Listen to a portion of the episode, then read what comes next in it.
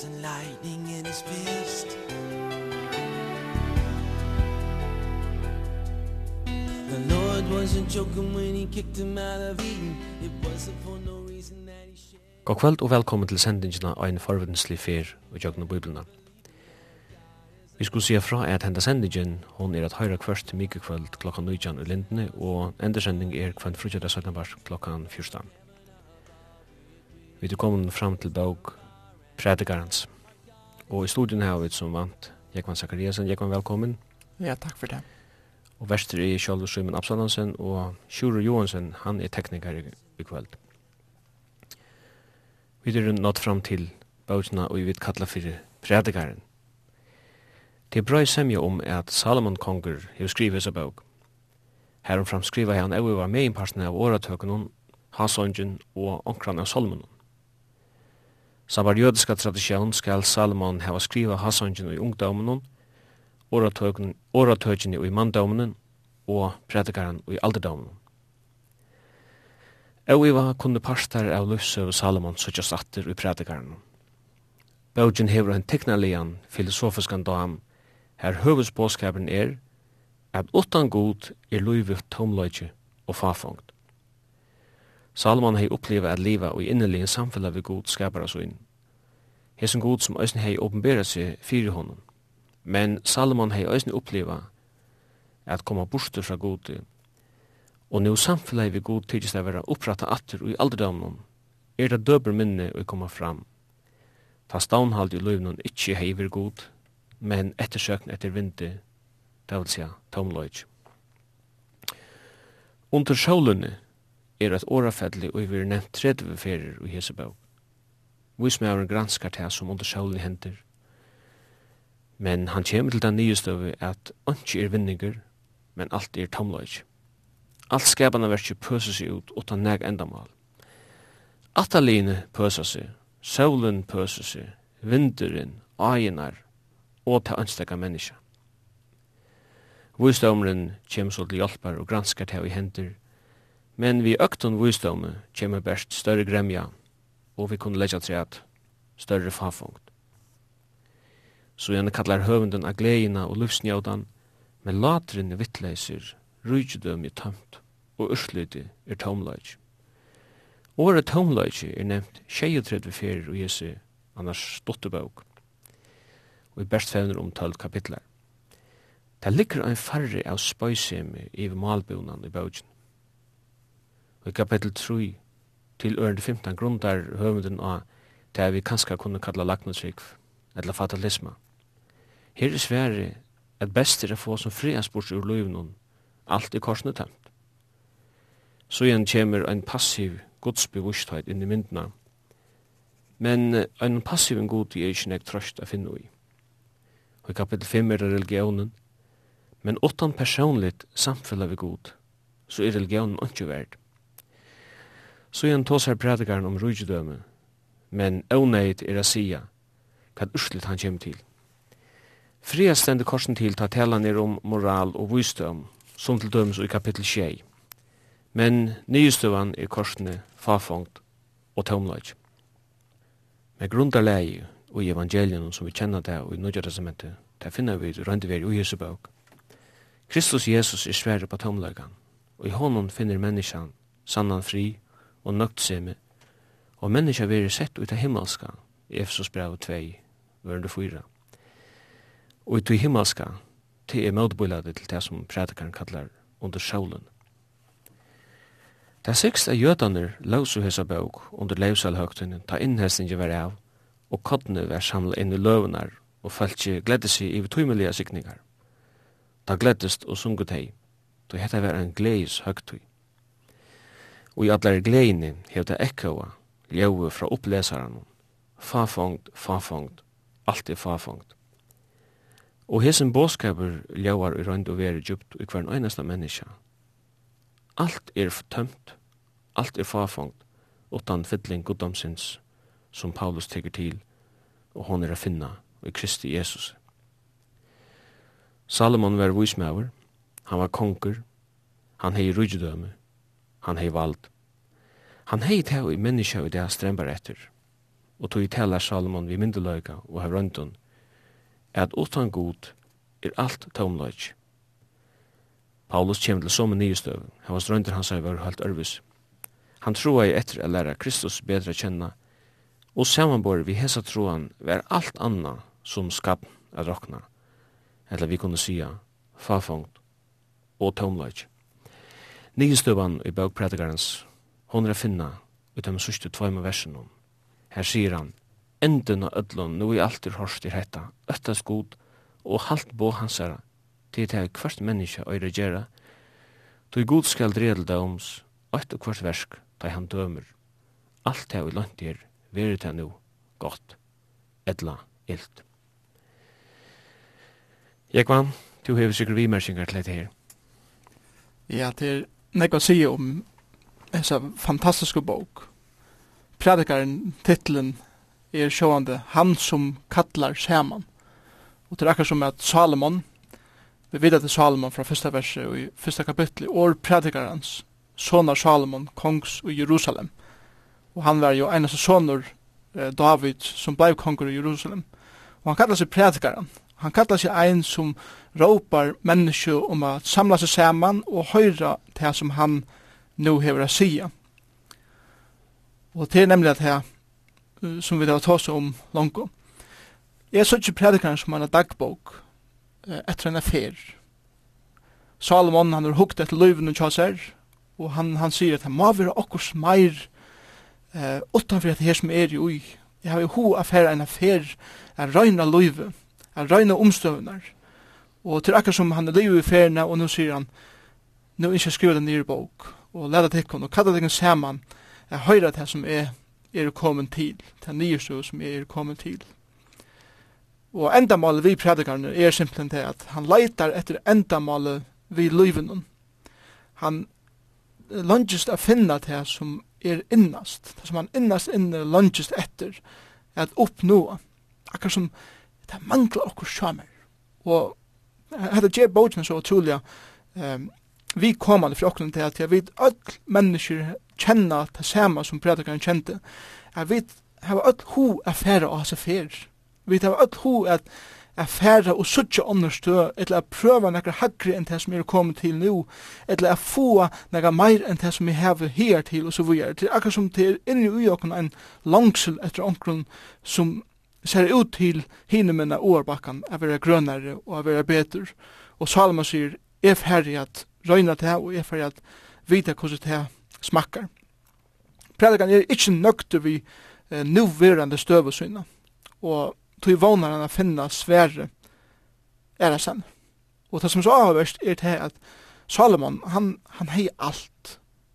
Han hei myndelaika, han var konkur Israels, han var hagste myndelaika i landen, han var rykaste mæver som liva hever og gjør, og eisne han vysaste mæver som liva hever og gjør. Alt dette heian, alt som man kan hugsa seg, hei Salomon, men allikevel innast inne var det okkur som manglai. Og det er det som han leiter etter. Han kommer til den nye støve, at det som han leitar etter er onga som han er finna under solen.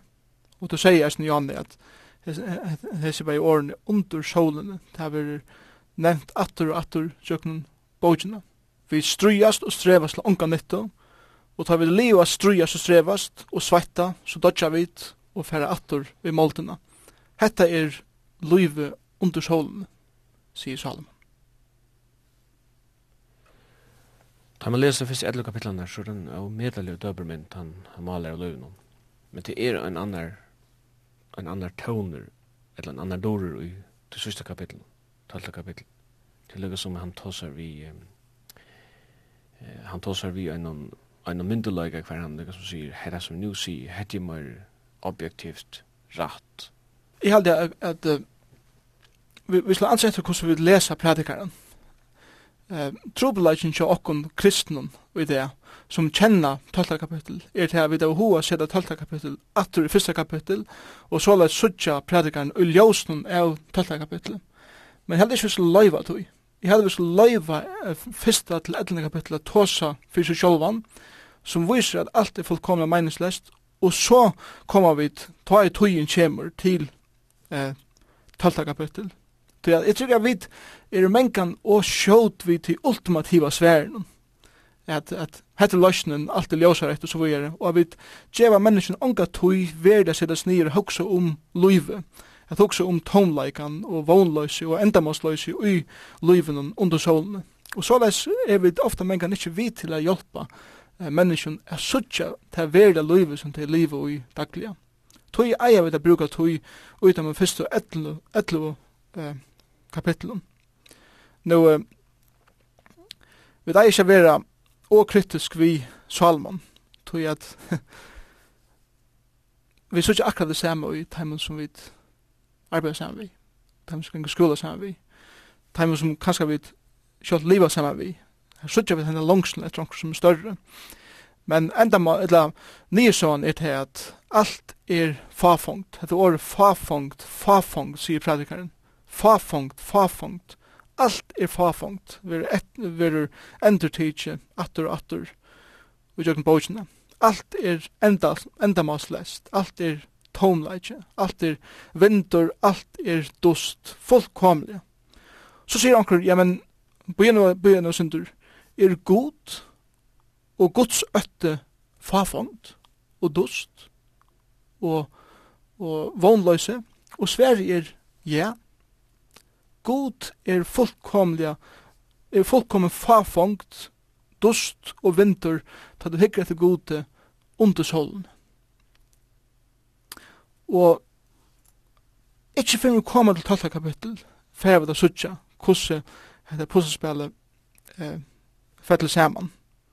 Under solen er mest simpelthen ta menneskelige perspektivet av livenum, av tilværende Under solen er eh, er hvordan vi hittir etter løyvene og tilværende utan god. Det er det som menneska ser i sin eh, egna stoltleika og i sin egna eh, egoisme og så videre. Og skeptikar er av skriften, skeptikar er av kristendommen og så videre, bruka mengan predikaren er vise av at det som tid liva fyrir er fullkomna meningslest og så videre, og, og, og det vise av at ta i alt som glas, og færa bæri dyr og mennesker samme sted, og, og så videre. Og Sverige er til at, ja, men, tar fyrste etter kapitlene hitje etter løyvene under solene utan god. Og i, i hessum fyrstu ellu kapittlum finner du akkurat her som samfélagið det er kjennist av. Bogen er så omøtelig relevant og jeg vilja vita at jeg tog at færri tjokken kapittel fyrir kapittel men det har vi det ikke men la la meg bare vise av hvordan relevant hun er at vi sutja her alla sann at vi sutja her i soap operas til dømes at det er angi meining ui at uh, hava truskap innanfyr tjunarlega det er angi meining ui at at uh, liva eit rent liv ver her eh, moralst eller futjalit eller hva det sier. til alt kan gjøre det samme allikevel. Vi sutja det samme i politiskon røvun som er, er hiltene. Vi sutja det samme i ekstremon bei høgra vendun og vinstra vendun bølkun i det. Alt er fullkomlega meningslest. Vi sutja hendan samme båskapen, eh, meningsløyse eh, og postmodernismina eh, predikaja i ak akademia, og i universiteten og skolen som vi, uh, vi eh, gengu i det. Og eisen heter praten mannen av gøtene. Det er alt kjem til alt, så er livet under solene meningslest. Og, og spurningen er kvui, ta i alt kjemur ut i ljose. Så, så spyrir vi, altså, kvui Og så til lesa vi til dømes fra fjorda, kapitlet, fra fjorda vers i fyrsta kapitlet. Eit alt er fyr, at anna kjemur, og gjør en stendur. Solen kjemur opp, solen fornyer, og hun skundar seg alltid til stegi her hun kjemur opp. Vinteren lakkar nyer, sunnan og fyrir opp i norran, han skifter. Det er som å høyra vevertøyden i fyrjun. At, vi vet at nøg lunda at, ja, for å si at det er så snakk meter sekunde og til affall og så videre. At Det er det samme det etter det, det inn og det ut, vevervaner for farger og så videre til, til alle tingene det samme. Og det som Bradley kan si at at dette liv er fullkomlig meningsløst. Da vi da har hørt det her i jøkkenen, holdt trus, trus og fjers år, så det er iversteg vi for at det er målt. Men henne som blir vøyer, det hører det bare vøyer allar eier enn i sjekkven, men sjekkven vil aldri fotler, altså hva, hva skal man svære til spørnesen, at det vi er færre ui sjekkven, altså han, han fyller seg ikke allikevel, eier renna, og, og tar leid angående atter her som det kommer fra. Alt pøser seg ut, andre kan sige fra at du, eia vil ikkje mett av du som suttja, og øyra vil ikkje fullt av du som høyra. vi suttja og få meir og meir informasjon, vi høyra og høyra og høyra, vi vil ha fullt, fullt av ötlun, um, altså ötlun som gonger fyrir seg, men alluga så teka bara meir og meir inn, bara fyrir at sutja at det er enda meir og meir farfangt i løyvnum. Så til alt, kjem til alt, så er løyve fullkomlega meiningslest. Og han sitter her bænt i fyrsta kapitlet og, og sier hva, hva skal du gjøre vi et her? Og fra øren kapitlet og utetter, for han har kastet seg ut og i negv, imest som vi forslår hitje etter reisen. I am thine, O Lord, I have heard your voice, and it told your love to me. But I long to rise in the arms of faith, and be closer drawn to thee. Draw me nearer, nearer, blessed Lord, to the cross on which you died.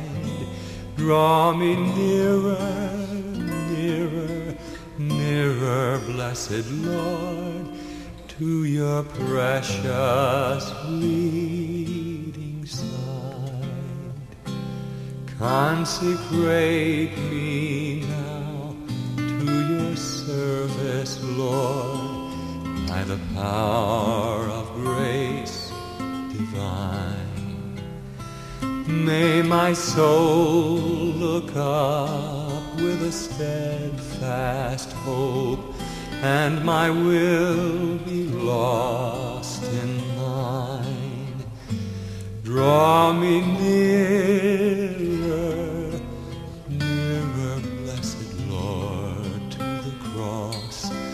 on which you died draw me nearer nearer nearer blessed lord to your precious bleeding side.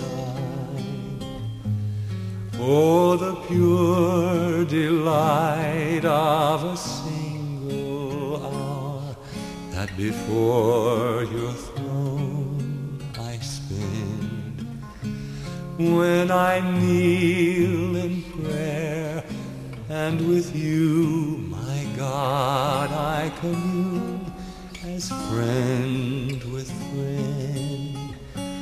Draw me nearer nearer blessed Lord to the cross on which you died. Draw me nearer nearer ever blessed Lord to your precious bleed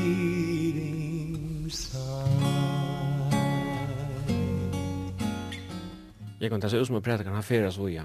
Han løyde etter gledene, og finner henne, her er ikke mening. Han løyde etter rydgjødømmen, han finner det, her er ikke mening. Det finnes ganske paralleller i det. Ja det er helt sikkert. Vi sørger folk flokkas til Hollywood for å finne etnene her. Folk flokkas til Nashville og til lærer tonlagabøye for å finne etnene her. Folk færa eh, pylagrunnsfyrir til India og til Nepal og finne seg sjolv og finne ikke her.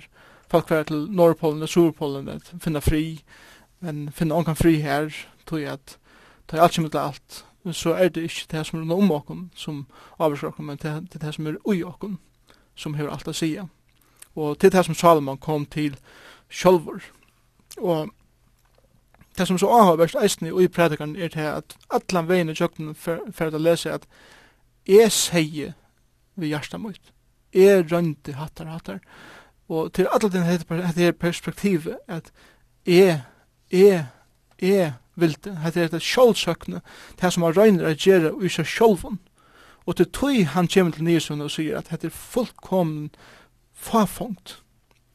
Og, og hette er nesten uh, som den postmodernistiske filosofien som hever det at om det føles godt, gjør det. Og det er det som uh, Salma sier, er for å røyne det som føles godt. Og andre kapittel er en, er en veldig døme om det.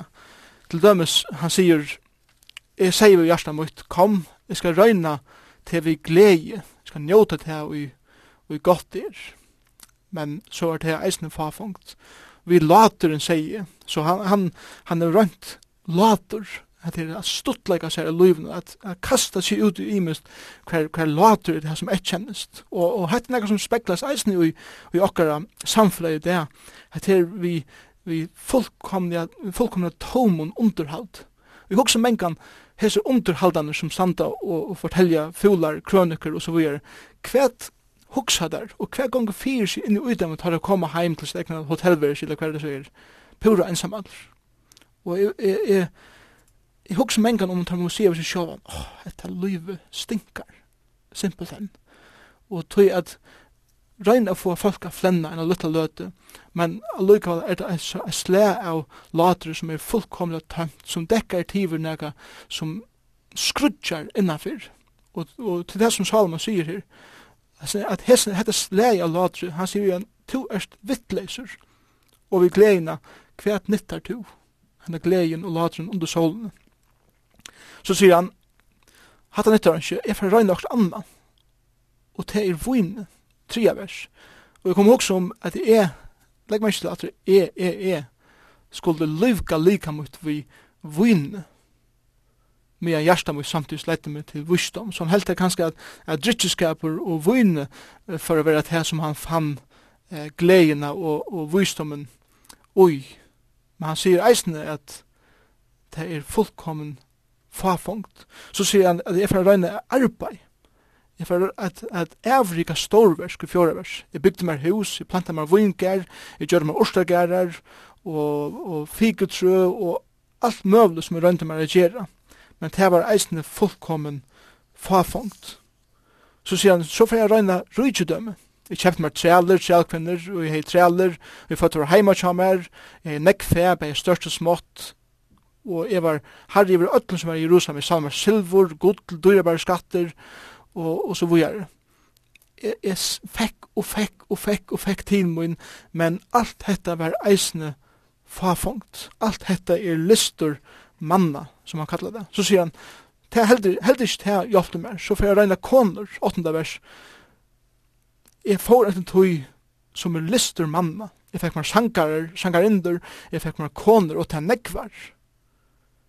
Men eisen til jeg var fullkommen farfungt. Jeg fann, fann onka, um, glede ui til seksuella livenum, til seksuella listenum som menn uh, tro etter. Anki var her. Jeg tro etter at jeg er berømter. Jeg var større og mektigere enn atler og i fire meg høyde veri i Jerusalem. Jeg rønte jeg blod kjentur, jeg rønte jeg skapa meg en navn som folk kunne sutja opp til og ta alkohol alt som var det eisne fullkomlega meningslest. Jeg røynte stuttleikan, tutsjende vers. Alt til å eie mun listu, let et hei få. Onga glei nok det i hjarta munnen. To hjarta mutt hei glei av ötlun streve munnen, og hesson la lønnen fyrir streve mutt. Heldrist hei eh, gav neka som helst. Så spørgen er hva er det som er innanfyrir, hva er det som er attanfyrir, eh, alt det her. Og henda fasada som vi hava, er en fasada som vi menn kan til å dekke tiver det som er innanfyr, det som skrutja etter meining, etter vogn og etter verre glede og i livet. Og så sier han, og kommer til livstøvna og i etlanda verset, men det er så for at hitje at ötlen hessen her, det er latre, vini, arbeid, rujstum, kvinnon, brønthev, stuttleika, det er hukt etter ötlen hessen her, som hendur mine høydu virka, og at strevinon, og i det jeg kostar meg, så er at dette var alt fafangt og ettersøkt etter vinte. Nei, under solene er ønske som roknas kan fyrir vinning. Så han fann unga glede og i likamlige listen. Jeg kan du nevnte til at det første etter kapitlet er eh, tar skal man suttje i hessum perspektiv noen under solen. Ja. Han eh, betraktar det som hender under solen, og man kan si at Salomon, han røyner seg her som filosof i den første etter kapitlen. Mm. Og så fell inn den seneste kapitlen i Peter til 12. kapittel, og ta skiftet han ordentlig dår til en halvt, halvt en annen døgn. Ja. Men i enda noen etter kapitlet, ta kommer man inn på seg postmodernismen som du kommer inn på. Du nevnte han, Janne. Ja. Her sier han mellom glede til ungling i ungdomtøyden, led hjertet ut være i gavn leie av vare løsens. Ja. Fær Færheia hjertet ut lister og njøt njøthet i eget tøyne, suttja. Ja Hatt jeg minner meg akkurat om det her, at det som kjennes godt gjør det, if it feels good, do it. Og så sier han vi men det skal du vita, er for alt dette skal god dreie til, til døms. Og så sier han, aller søgnast kap kapittel 11. La gremmi vujja fra hjertatøyne og halt plau bors fra ligamtøyne til ungdommer og morgenrøy er fafangt. Mm. Og så kommer kapittel 12, huksa om skabratøyne av ungdomstøyne. Det ser ut som at uh, predikaren, som Øyvind hever gammal med å skriva det, yeah.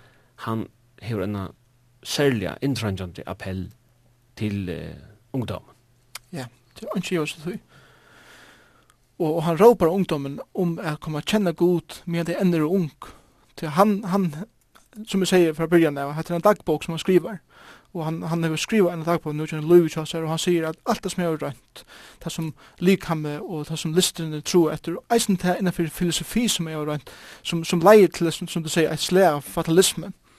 At alt hefur tusinna, men alt fer en enda. Eh, fatagdømme, krutsk, ivergeng, rujgdømme, eller hva det sier, det fer en enda, og det gjever ikkje eh, nega glede. Tøy råpar han av det unge og sier, unglingen, hugsa om hva det er som du får bruka tøyt løyv til. Hugsa om eh, hva det er som du troar etter. If it feels good, do it. Eller om det føles godt, gjer det er ein stutt glede som kommer ha en nekst større avlæging enn den stutta, stutta løtan hver gleden sjálf kjennes eller føles. Ja? Og han sier at ansa etter kvosse eh, til liver ditt liv. Og så kommer vi til løsningene i 12. kapitlet at han Salman, Salman har sagt at det som er under solen er fullkomlig meningslest. Så sier han hugsa om skaparen tøyn av ungdomsdøven åren hinn øndu dyr koma. Og talte kapittel er løsnen. Endamålet og eller endamål við lívinum og glei í lívinum er ikki at finna undir sólina er tað sum Salomon sier. So er spurningin, ja men hver er so endamål og glede er finna. Og det som Salomon for å vise eh, okkon og leseren sin er til at det er å finna handan solen. er det ikke fantastisk? Gleien og endamal og løven er å finna handan solen. Vi tar rønt å finne gleien og endamal og løven under solen, men det er opp om solen vi skal fære for å finna eh, løsningene av løven og endamal ved løven, og vissa og sanna glede, og det er god og ønsken annar som kan eh, djeva til endamal og ta glede som løve eh, bjóar. Og det som er sikkert Salomon kommer til det alt er, er, er ivestegi, er til han sier, kom og kjenn ung, eh, kom og kjenn god medan du er ung, eller unger så at du slipper fra affære i jøkken til det som jeg har vært i jøkken, og nøstan nu som han gav med over har funnet fram til.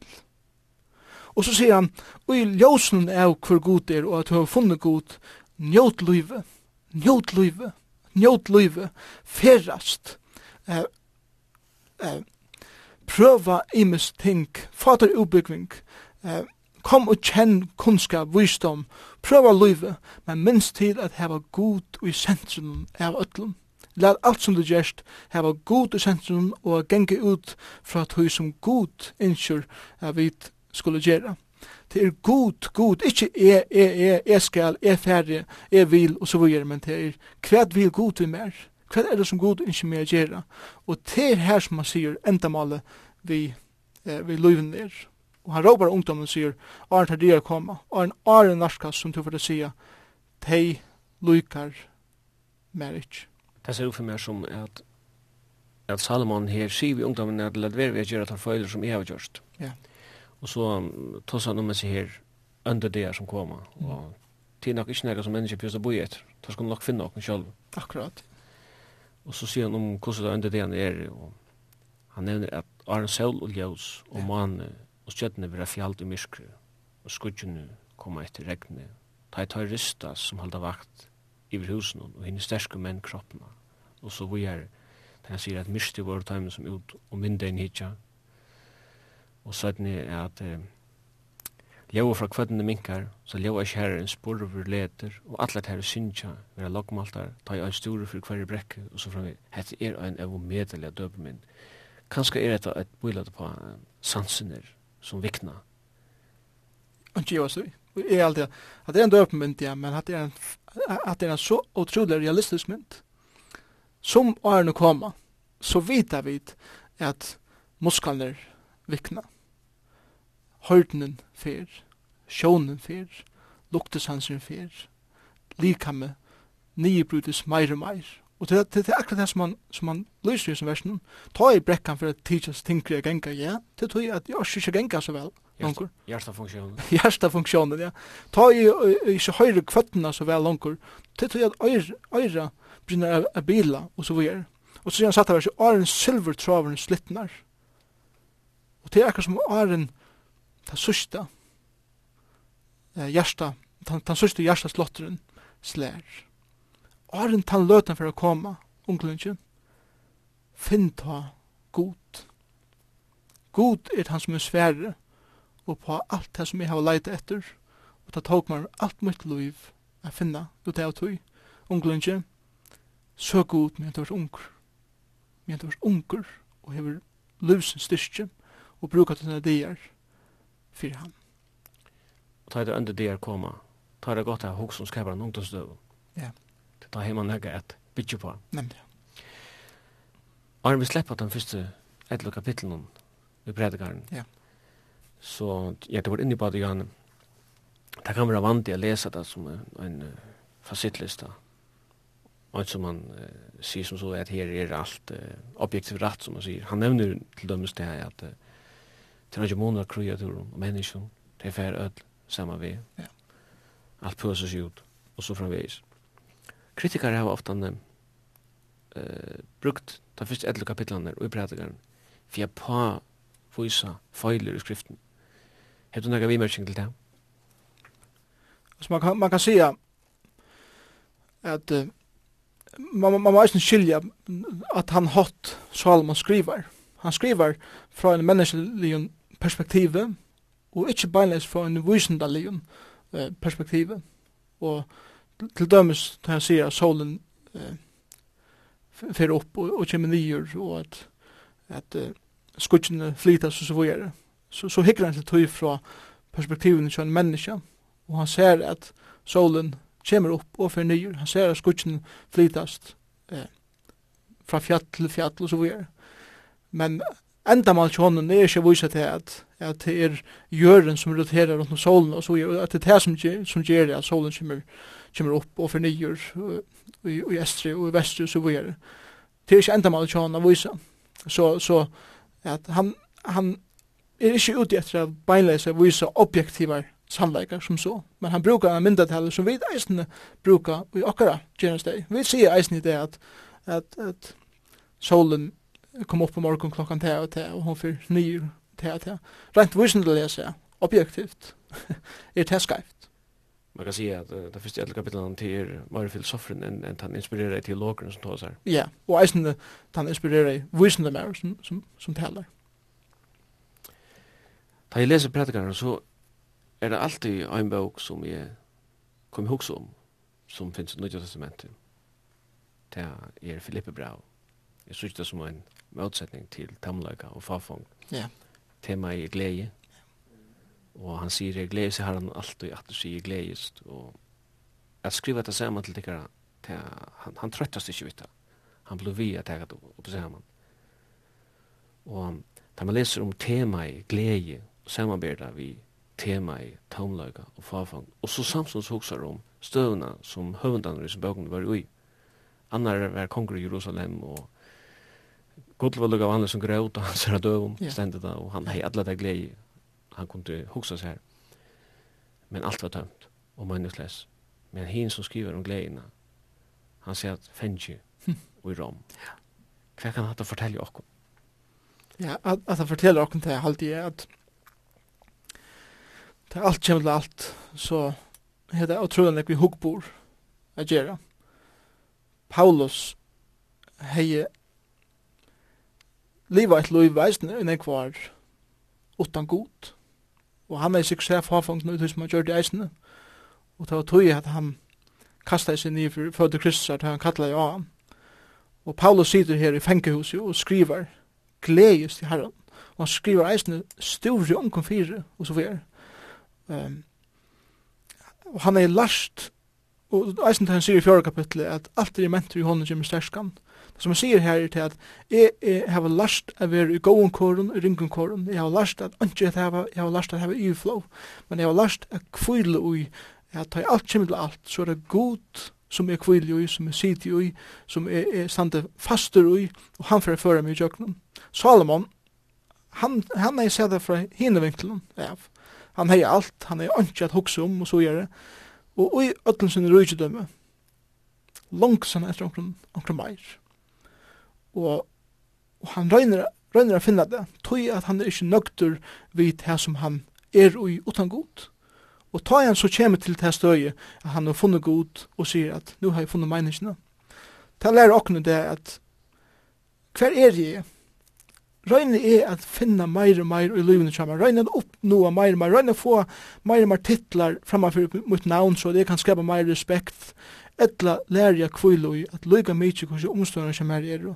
Så veit jeg, jeg god er i kontroll, øtt i herrans, som Salma sier her, og at halda på hans her. Det er det som menneska er å gjøre. Spurningen er hva gjør jeg, og hva gjør du? Prædikan sier sista kapitlet, det som du var inne på, han nevner det her, Arjen Silver Strongren Slittnar, vi pleier å bruke åra fette lustravren, ja. vi er kvetter av. Mm. Her vil det kalla fyrir Silver Strongren. Og Paulus sier nok eisen til bevisthet er at uh, hans er Silver Stronger, han får eisen øyne av å være kvetter som tjokken ætlum. Og det som hever vire, det er det som vi investerer i, som teler atana er Silver stronger Slittnar, det er det som hever værande vire. Mm Jeg halte armen for å så skulle vi høyra en sang som Fanny Crosby har skriva, og vi var inspireret ut fra predikaren til One Day the Silver Cord Will Break. Save by grace, save by grace, and tell the story.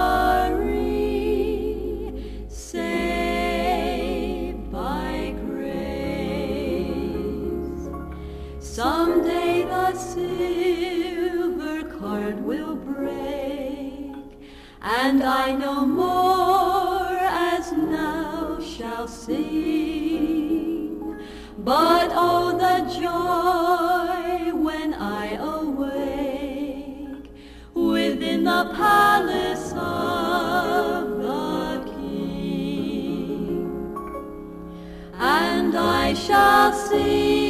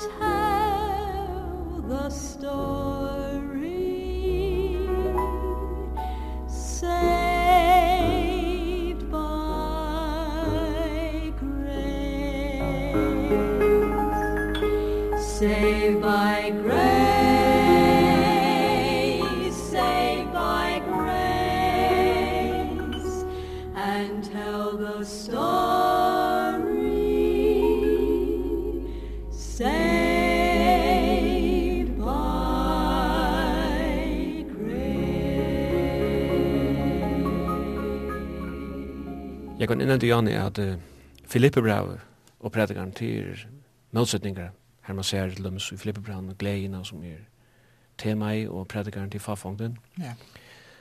Eh, vi tar også motsetningar til det som Jesus brevet og predikaren.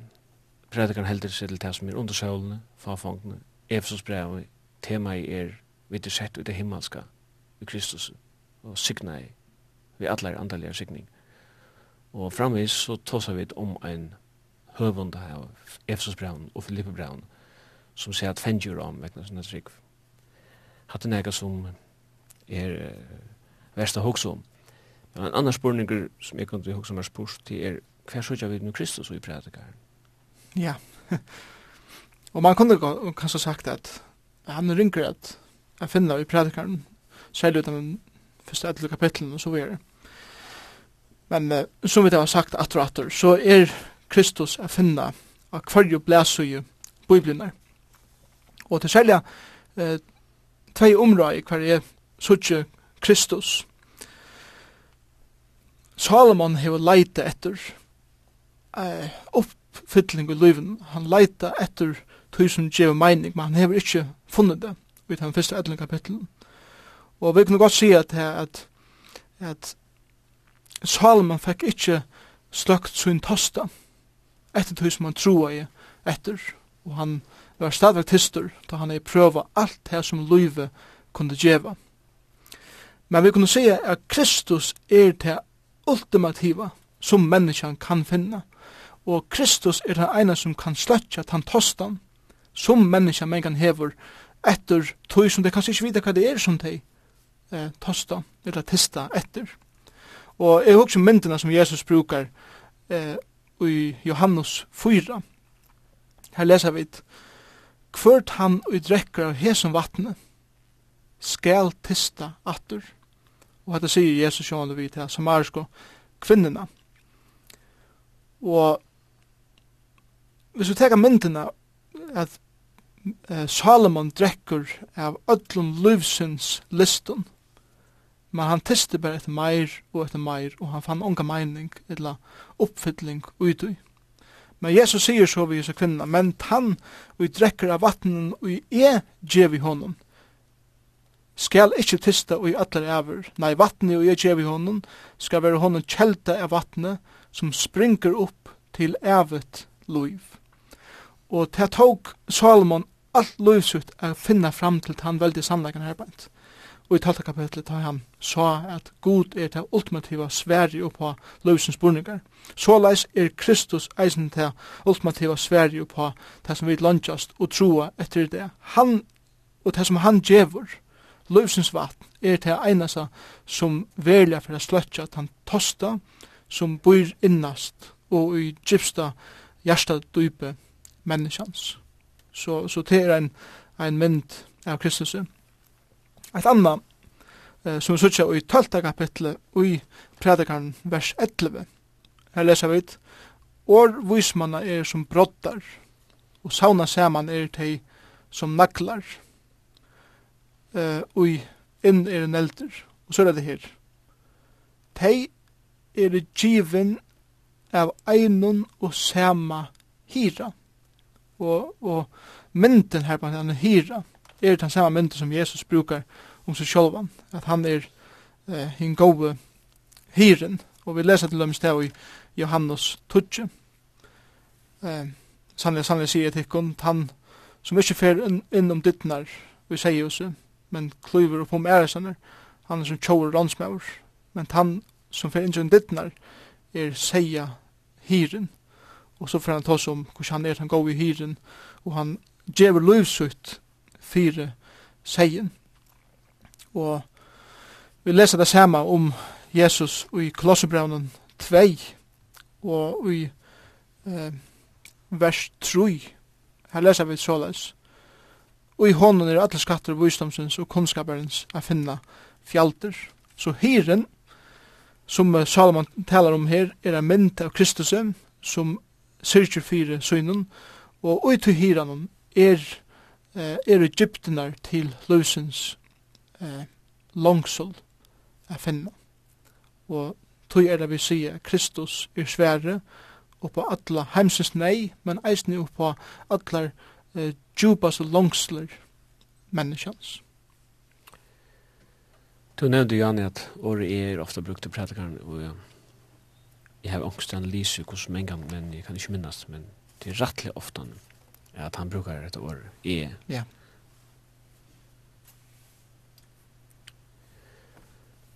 Och i motsetning til detta stora är eller ego som vi har pratat så så jag vill lämna sig hebreerbrantal att han använder om det tryggvann om har en event av Jesus upphavsman och av troaren här. Mm. Och han sier hoxy om han. Till lukka som motbilda till detta stora ego som føler fafong til å att eja av Kristus och hoxy om han. Det er det som gjør innhold og mening og løyven.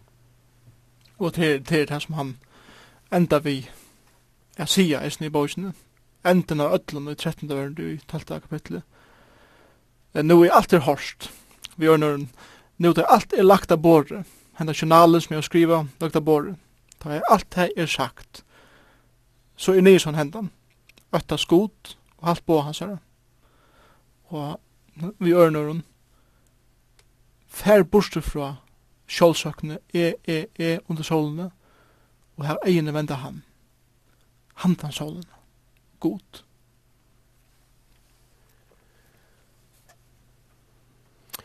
Ja, jeg halter eise at tveide sørste versen i prædikaren, det er ein klokker og en nyrstøva, som uh, Salman kommer til her. Mm. Da jeg leser Atlan predikaren, Så tess meir er komið at kjenna, altså hugsnarhotten og hugboren og i predikaren. Og det er det her, det som er under solen. Tess minne sjokkera vår er i at, av at menneske gjerra sjolmor kvann det. Det er sjokkerant.